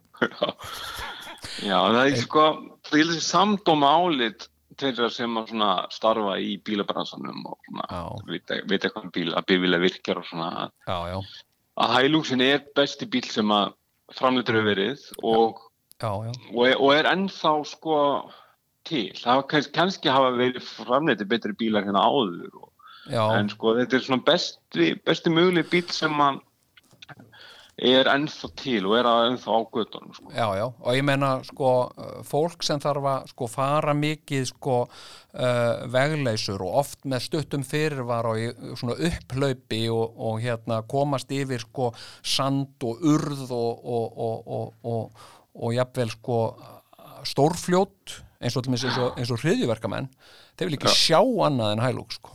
Ekki sjá annað, nei alveg tala það er bara, þetta er náttúrulega tal, talibana bílinn sko. Þetta er talibanar og ISIS og all, Já. allir þessi krakkar þeir, þeir, þeir sjá- mæla. Já, þeir já, mæla með hann Já, og hérna- og hérna sko uh, og það ég hef sko ég hef uh, sko bara ég hef sko dyrkað Hilux, ég hef, ég hef hort á sko dreymandi augum á, á, á Hiluxa og hérna þetta eru náttúrulega æðislegi bíl og ég átti einu svona Hilux sko Já, sem ég, já. ég kefti sko bara á fæti ég, ég, sagt, ég átti 700 skall einhver hlutur að vegna og ég sá Ok. sem sagt, Hilux til sölu á 700.000 og ég Já, kefti hann, já. ég bara stóðst Já. hann ekki því hann, Já, sko, he had me at hello sko, bara hérna ég veit það. já, þeir, en Þetta ertu, eru ótrúlega bílar, sko, málega, sko, ég, sko, það, það, er eitthvað að Hilux sem að bara aðri bílar hafa ekki. Það, eru kannski einstaka bílar sem hafa Já. þetta í hvert einasta skipti sem stöðstandi stýri Já. og ræsir velina, þá hrekkur þú í fíling um leið og bílinn fyrir gang. já, já, já, já, Og það er einhvern veginn, sko, ótrúlega með Hilux og ég er búin að eiga marga bíla og, og hérna, kaupið mér oftast bíl, sko, eftir þörfum og, bíl, og hérna, og mann man dreymir alltaf um sko bíl sem að uppfyllir allar manns þarfir bíl sem er sko Já, já. jeppi já, og sendibíl já, og fjölskyldubíl og hérna smábíl og stórbíl hefur þetta allt, alla Já, þess eiginleika já, já. og hælúsin einhvern veginn sameinar þetta allt saman Já. hann er, hann er allir bílar Já. hann er ekki einn bíl Nei, hann er nefnilega og hann er þetta, sko, hann er þetta sko, hérna, hefur þetta element að þú, þegar þú kveikir á honum, þá bara alltaf, Mhm. Já. bara undantekningarlaust þá bara ferð þú í góðan fíl. Já, nákvæmlega, sem að, sem að til dæmis Land Rover Defender gerir ekki, sko. Nei, Hérna, nei, hann, hann nær þess ekki, sko. Hann nefnilega gerir það ekki. Það er Nei. eitthvað við hljóðið og lyktina og fílingin og kristingin Já, og hvernig þú bara svona kemur þig fyrir í aukumannsætinu og hvernig hérna mælaborðið og hérna stýrið er svona alveg af passleri þygt sko. Já, já, það er allt þetta þegar allt þetta kemur heim og saman já, já Já, þá hérna þetta þá náði bara við fílingin sko. Já, já, já, en svo er það náttúrulega veist þetta með notagildið og allt það sko sem er náttúrulega bara eins og, segi, eins og ég sagði sko veist hann, allir, hann er allir bílar. Já, já, hann er sko hann er dásanlegur, það er sko, sko þetta er, mundi ég segja, ég ætti að segja sko, hvað eru, uh, hver var uppáhalds bílarnir mínu, ég er náttúrulega þú veist, kannski svona topp 5 uppáhaldsbílarnir mínir, þar er Hilux og líka annar bíl sem, a, sem að ég átti og var nú að selja bara nýverið og það er Ni- Nissan Patrol sko, já, sem, að, sem var, sko, var ekkit ástæði lausu sem samanuðu þjóðunar völdu Patrol sko. hann, hann hefur þetta líka sko. hann er náttúrulega ekki sko, hann er ekki, ekki pallbíl sko, en, en hérna en þetta er svona, þetta er svona þú veist, hann er svona sko, mér dættur helst í huglægi sko, góður vinur getur gert kraftaverk skil, og það, Akkúrat, það gerði akkúrat. patrólinn minn fyrir mig sko, hann gerði alls konar kraftaverk sko, hann fór, einmitt, einmitt. fór á staði sem ég, menn höfðu sagt að engin maður kemist á, ég sagði já, við sjáum til með það. En og hérna hann sannaði það sko. Já, já, algjörlega sko, en svo, svo varð ég að, láta hann fara sko, og það var svolítið, þú veist, það var smá svona hrigð í mér sko. Já, já, ég nefnilega sko, já, þetta er hríðin sem að ég er einmitt búin að vera í hérna svona, hvað maður segja, hvað kallast þetta, sorgar, Já. sorgar ástandi núna Já. undarfarið, hérna, þetta heitir eitthvað sem að maður er í svona ferli, hérna, sorgarferli, já, já, já, já, svona eftir að ég sko, ég nefnilega sko, uh, við eigum skóta, já, sagt, sem er svona fjölskyldubílinn, bara svona heppilegur, eðslugrannur stationbíl sem Já, já. bara svona, kemur manni, þú veist, er fjörhjóladrifin og þú veist, þú getur gert Mhm. það sem þú svona, það er svona fjölskyldulega, en þú fer ekki náttúrulega ekkert á, þú veður ekkert yfir á á honum og þú Nei, fer ekkert, fer, fer náttúrulega allir við læk á honum nei, nei, nákvæmlega og, og, hérna, og þú kannski setur ekki heilt bretti af gyrðingastörum á, á hann, sko. Nei, þú gerir Þú það, ekki- við, þú gerir það við hælúsin, Já, le, leikandi létt, sko. leikandi rétt og hann, já. hann sígur ekkert svakalega mikið neitt og, Nei, nei, nei, nei, alveg, nei, nei. og hérna, ja, svo hérna aðsnaðist ég sko til að kaupa mér sendibíl, því að ég þurfti sko já, aðeins meira pláss, en hann game sko, svona já. sendibílun alltaf hafa, þetta er náttúrulega háð vissum takmörkunum geimslu plássið á pallinum þó sem hann tæki alveg sko heilt brett af störum, sko. já, já, já, já, en hérna, þannig ég stóð frammi fyrir því að geta náttúrulega ekki átt þrjá bíla, það er náttúrulega er það er óðsmannsæði það er, er ósmannsæði, það er, maður getur það ekki. Það bara er, bara það er einhvern veginn bara og margt sem mælir á móti. Bæði, það er dýrt og það er óumhverfisvænt að eiga, eiga, eiga þessa bíla alla og, en, en það svona var til þess að ég tók þessa ákvörðun að, að selja hælugsinn sko. Já, já. og hérna, Það, er, það er nákvæmlega sama ástæðan og ég uh, losaði mig við patrólinn sko. Það er bara, þetta, þetta ég gati, ég gati ekki réttlætt þetta sko, fyrir neinu. Nei, einmitt, akkurat. Og sko og búandi sko líka í Vesturbænum í Reykjavík sko á patról sko þegar, mest inn að vera á einhverju svona ramakskrútbíl einhverjum svona, já, þetta var ekki sko, ég var fann að fá svona ílt auga frá nágrunum og svona. Já, ég kannast við það sko. Hann var að sóta svona, ég var að setja í gang miklum kulda, hann var að sóta vel þarna yfir, yfir nærliggjandi hús. Þá hugsaði nei, ekki, þetta væri allt í lægi sko, einhver staðar á, á, á sko, melrakasléttunni eða eitthvað, en, en ekki hér sko, ég bara Nei, nei, ekki sko. nei, Já. nei, en hérna en hérna, en ertu búin að en menna, er, þetta er sveitabíl, ég menna, er hann ekki alveg drulluskittur og Nei, nei, ég, hann er ógulega vel farinn sko, ég meira að segja að það var nú eitt svona lítið gata á einu sílsinum á honum sem að ég er nýbúin að gera við.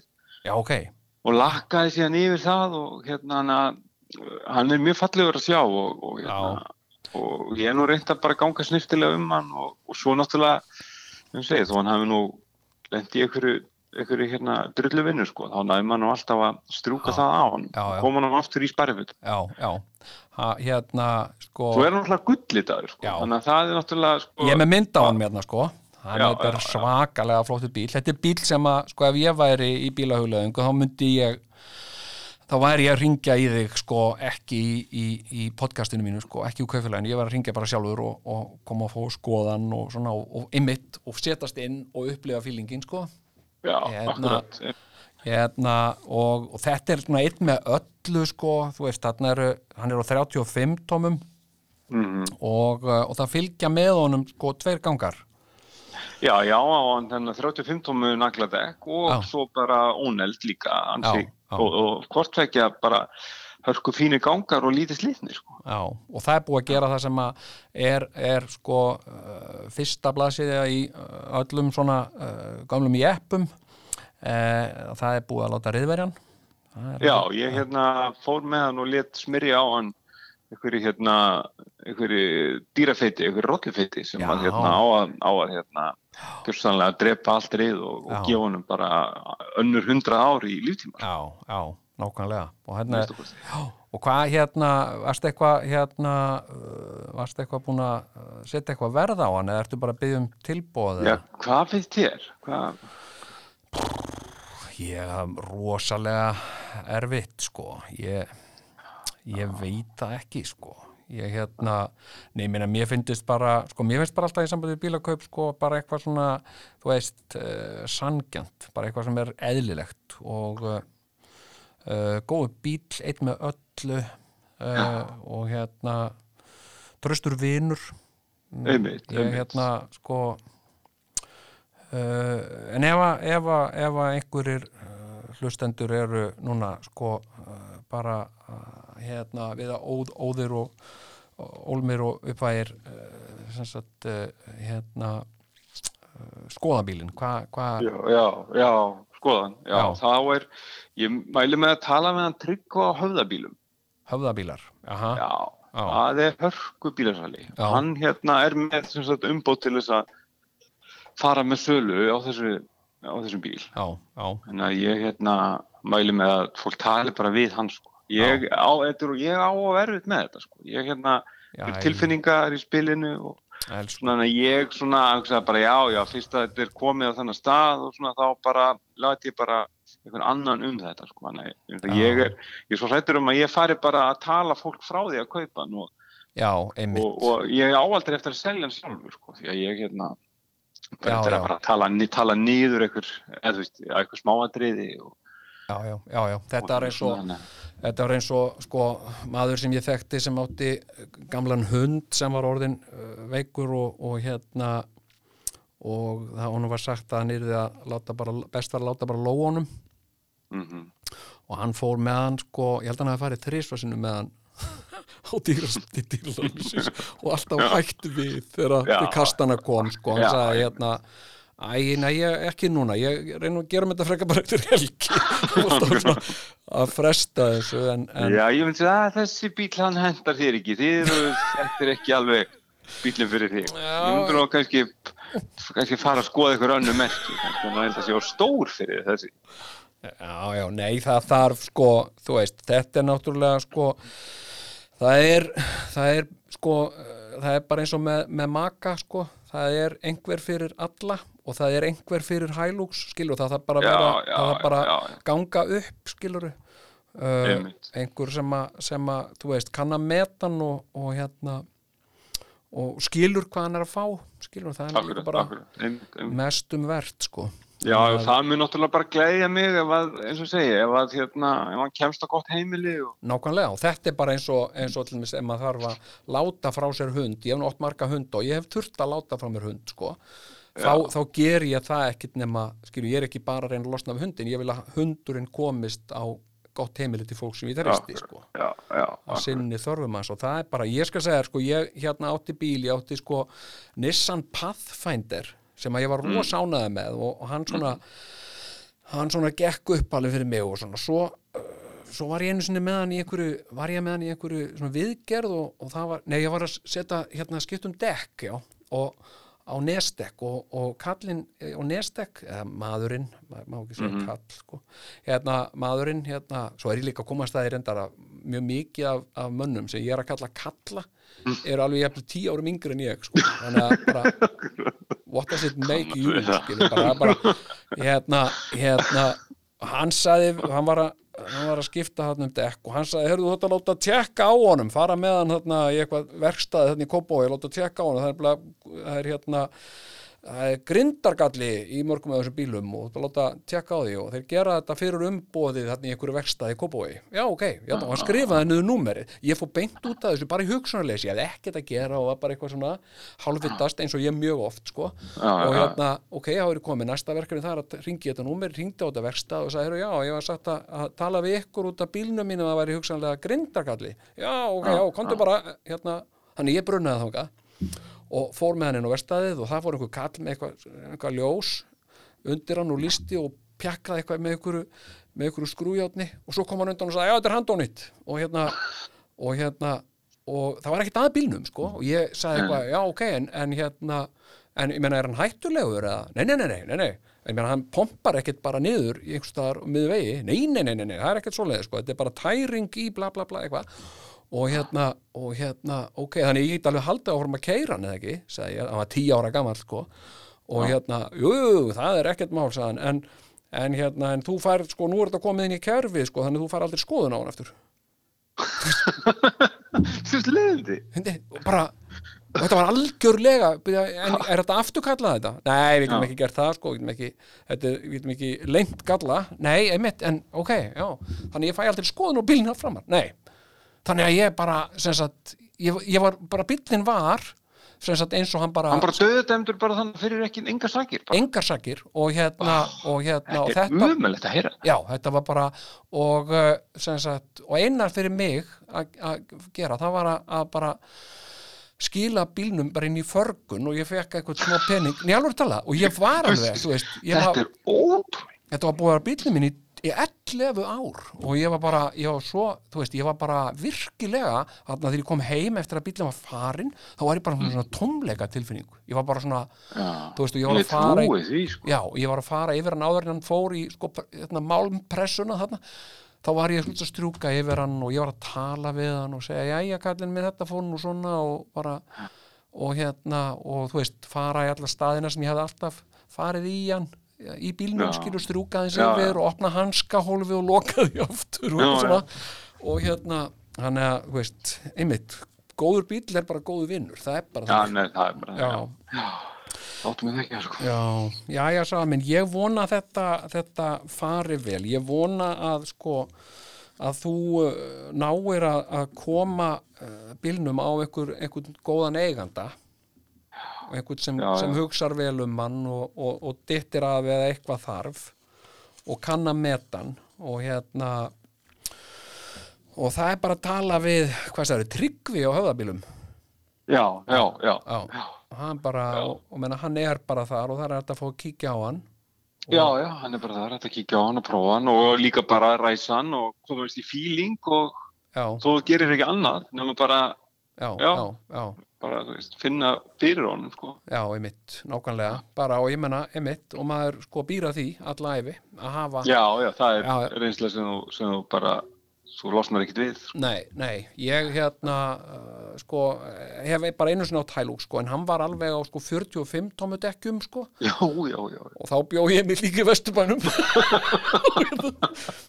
og ég var búin að eiga hann í tvær vikur því átt að með ég hafði ekkert við sko sagt, uh, ég hafði ekkert við sko svona mikið upphækkaðan hælúks að gera sko að því ég var, ég var náttúrulega bara eh, þú veist, ég var að vinna sem grínisti sko og í útvarpinu og sjónvarpinu.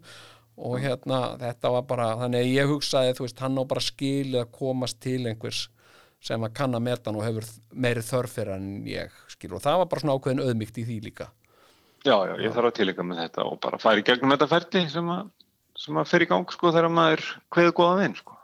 Já, og líka bara, þú veist, þegar að kemur að því svo að, að, að þú veist, einhver gerir, gefur tilbúð og þú ert þú sem að taka því og svona, að ræða við viðkomandi og kanna líka bara aðstæður. Mér finnst það Jú, alveg, jú, svo- bara eins og þú ert að láta frá þér hundin þinn, skilur, til eitthvað Já, ókunnur og spurja bara, já, ok, og hvað, og hvað er þið mörgi heimili og hvað hérna, og svona eitthvað.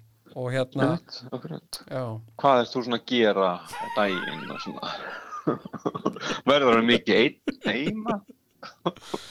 ertu þá stundum eitthvað að ditta bílnum og svona, og eitthvað svona, já, Já, já, bara, ok, hérna, já, Hann þarf, hann þarf umbyggju. já, já, Já, Ég, ég mitt sko, ég, ég hérna, ég keipti sko notaðan hefilbekk af manni, Mm. hérna, sem sagt, alveg heljarinnar hefilbekk sem kemur sko, sagt, kom til landsins í gegnum sko herin, e, e, gegnum beysið og hérna, og það, stend, já. það stendur meira að segja neðan á honum sko made in Germany, þannig ég býst að hann sé sko hergós sem hafi verið Aha.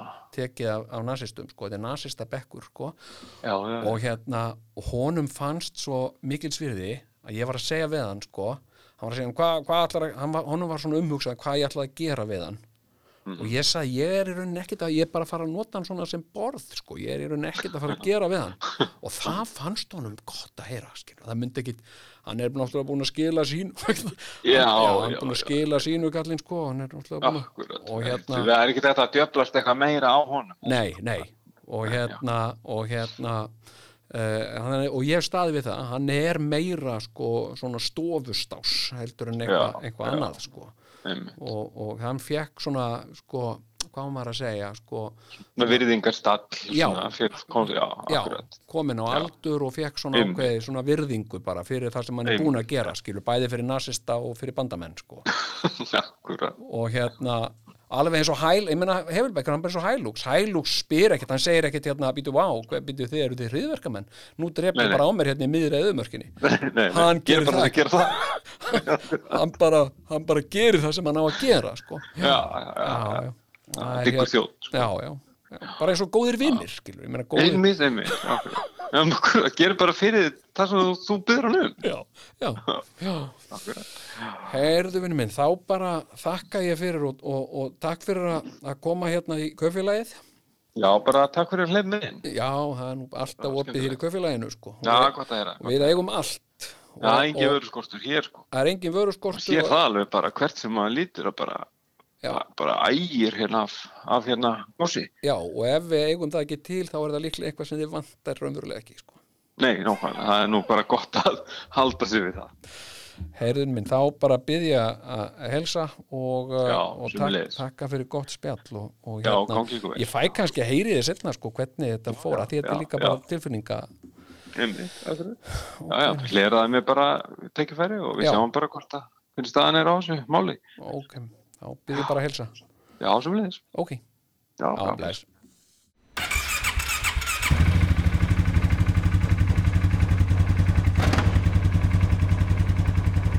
já, þetta var hann uh, Svavár Eisteinsson uh, uh, vinnur minn uh, sem margir þekkja sem uh, Prins Pólo og uh, hann er hann er að selja bílinn sinn uh, vinn sinn þjón og félaga til langstíma uh, Toyota Hilux sem er uh, á 35 tómu dekkjum og, og, uh, og það fylgja sko tveir gangar af flottum 35 dekkjum annar neldur og hinn ekki sko uh, en báðir uh, færir um að koma eiganda eða aukumanni hvert sem er sko. Og uh, uh, ég glemdi nú að segja frá því ég, hérna, uh, þegar að ég átti minn uh, áður en ég seldan að því ég hafði náttúrulega ekkert við hann að gera í Vesturbænum uh, ég, ég bjó á ringbrönd og var að vinna í aðalstræti og ég lappaði það, mér fannst það þægilega hérna að sko áður en ég seldan og þegar ég ákvaða að selja og þetta var þannig bíl að ég vissi hann myndi bara fara strax sko uh, þá kerði ég og þetta var sko um miðjan vetur. Uh, þá kerði ég á honum uh, upp að heklu rótum og kerði upp á heklu. Mér fannst það ekki, mér fannst ég þurfa að gera eitthvað svona, það er nú vexlóði alveg upp, upp á toppin á heklu og, og, og hérna, þetta var ekkit svakaleg fjallaferð en mér fannst þetta svakalegt. Hérna og ég var einn upp á heklu, þetta var um hávetur og, og, og hérna uh, svo stóð ég bara uh, fyrir utan uh, hérna hælúksinn og skaut nokkur um sinnum á haglabissu bara eitthvað út í loftið og öskraði einu sinni eða tvisar að því mér fannst ég þurfa að gera eitthvað sko, eitthvað svona tákrænt og svo fór ég aftur í hælúksun og keiriði niður og það var, mér fannst svakalega að keira niður heklu en upp hana. Hérna, allt í lagi að hafa það í huga ef, ef einhverju higgja á slíka ferð. En þá uh, er komið að lokun hjá okkur. Kaupfélagið uh, lokar í dag. En við opnum aftur um, um leið og, og þið viljið. Og eina, eina sem þarf að gera er bara banka létt á hurðina og þá opnar kaupfélagið. Uh, og við sendum líka heim. Og, og það sem þú getur gert hlustund góð uh, er að þú getur líka bara uh, byrjað að hlusta á uh, aðra þætti hérna aðra kaupfélagsþætti eða eða aðra af, langar nú bara nota þetta dækifæri líka og benda á það að, að þó kaupfélagið sé náttúrulega lang elsti uh, þátturinn hér í hlöðunni þá eru uh, fjöldi margra nýra þáttar búin að bætast við og margir alveg svakalega áhugaverðir. Og uh, þannig að þá engum að uh, þurfa að leiðast í sóttkví uh, á þessum miklu óvissu tímum. Því það er sko nóg að hlusta þá býði ykkur að lifa heil fariði varlega eitt sem ég glemt að segja á hann sem langar að bæta við sem er líka eitt sem að sko uh, hérna mér finnst uh, og þetta hefur svolítið uh, hérna þetta er svolítið borið á þessari málvillu og þetta finnst mér bara hrein og klár málvilla. Uh, uh, sko þegar fólk er að segja og meinar vel og segir uh, er að ávarpa hópa fólki og segir veriði góð við hvort annað eða, eða, eða meira í hugleðingastíl verum góð við hvort annað. Uh, sko uh, hérna sagt sko það er ekki sama hvort eða hvert. Hérna sko hvor á aldrei við um fleiri en tvo. Það, það sem sagt hvor ber í sér að, að um tvent er að ræða. Uh, sem sagt uh, þú segir sko ef, ef maður segir ef maður er spurður í hvorar buksunar í hvorum buksunum ætlaru þá gefur það sterti kynna að maðurinn eigi bara tvennar buksur eða hafi um tvennar buksur að velja.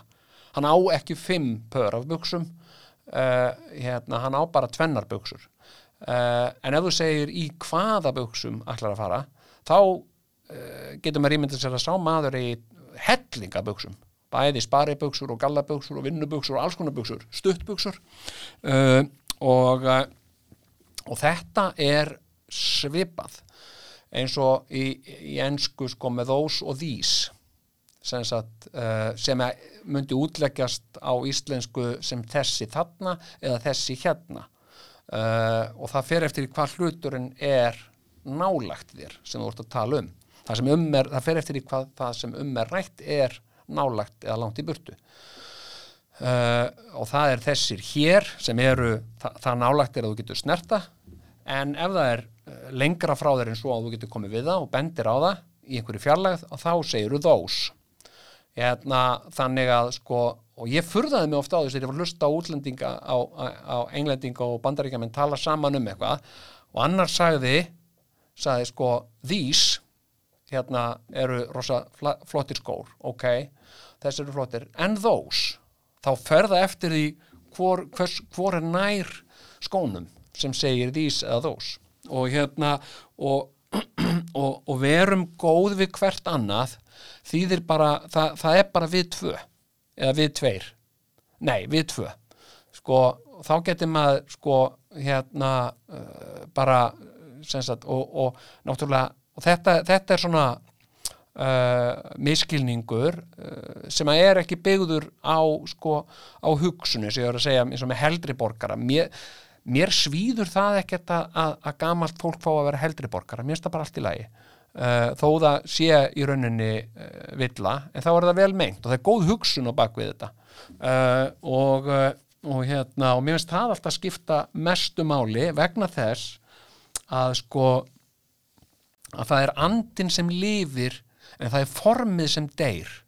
Þannig að en ef að, það, ef að það á við um orð þá er það allt í lagi ef það er hugsun og bakviða en, en sko ef að sko það er andlaust en lifir það finnst mér ekki gott sko. Og þess vegna þegar við segjum verum góð við hvort annað uh, hérna sko þá getur maður sagt bara allir um einhver, einhver hjón sem er alltaf að rífast eða eitthvað svo leis en verum sko þeir verum að ávarpa hérna fleiri en, en tvo.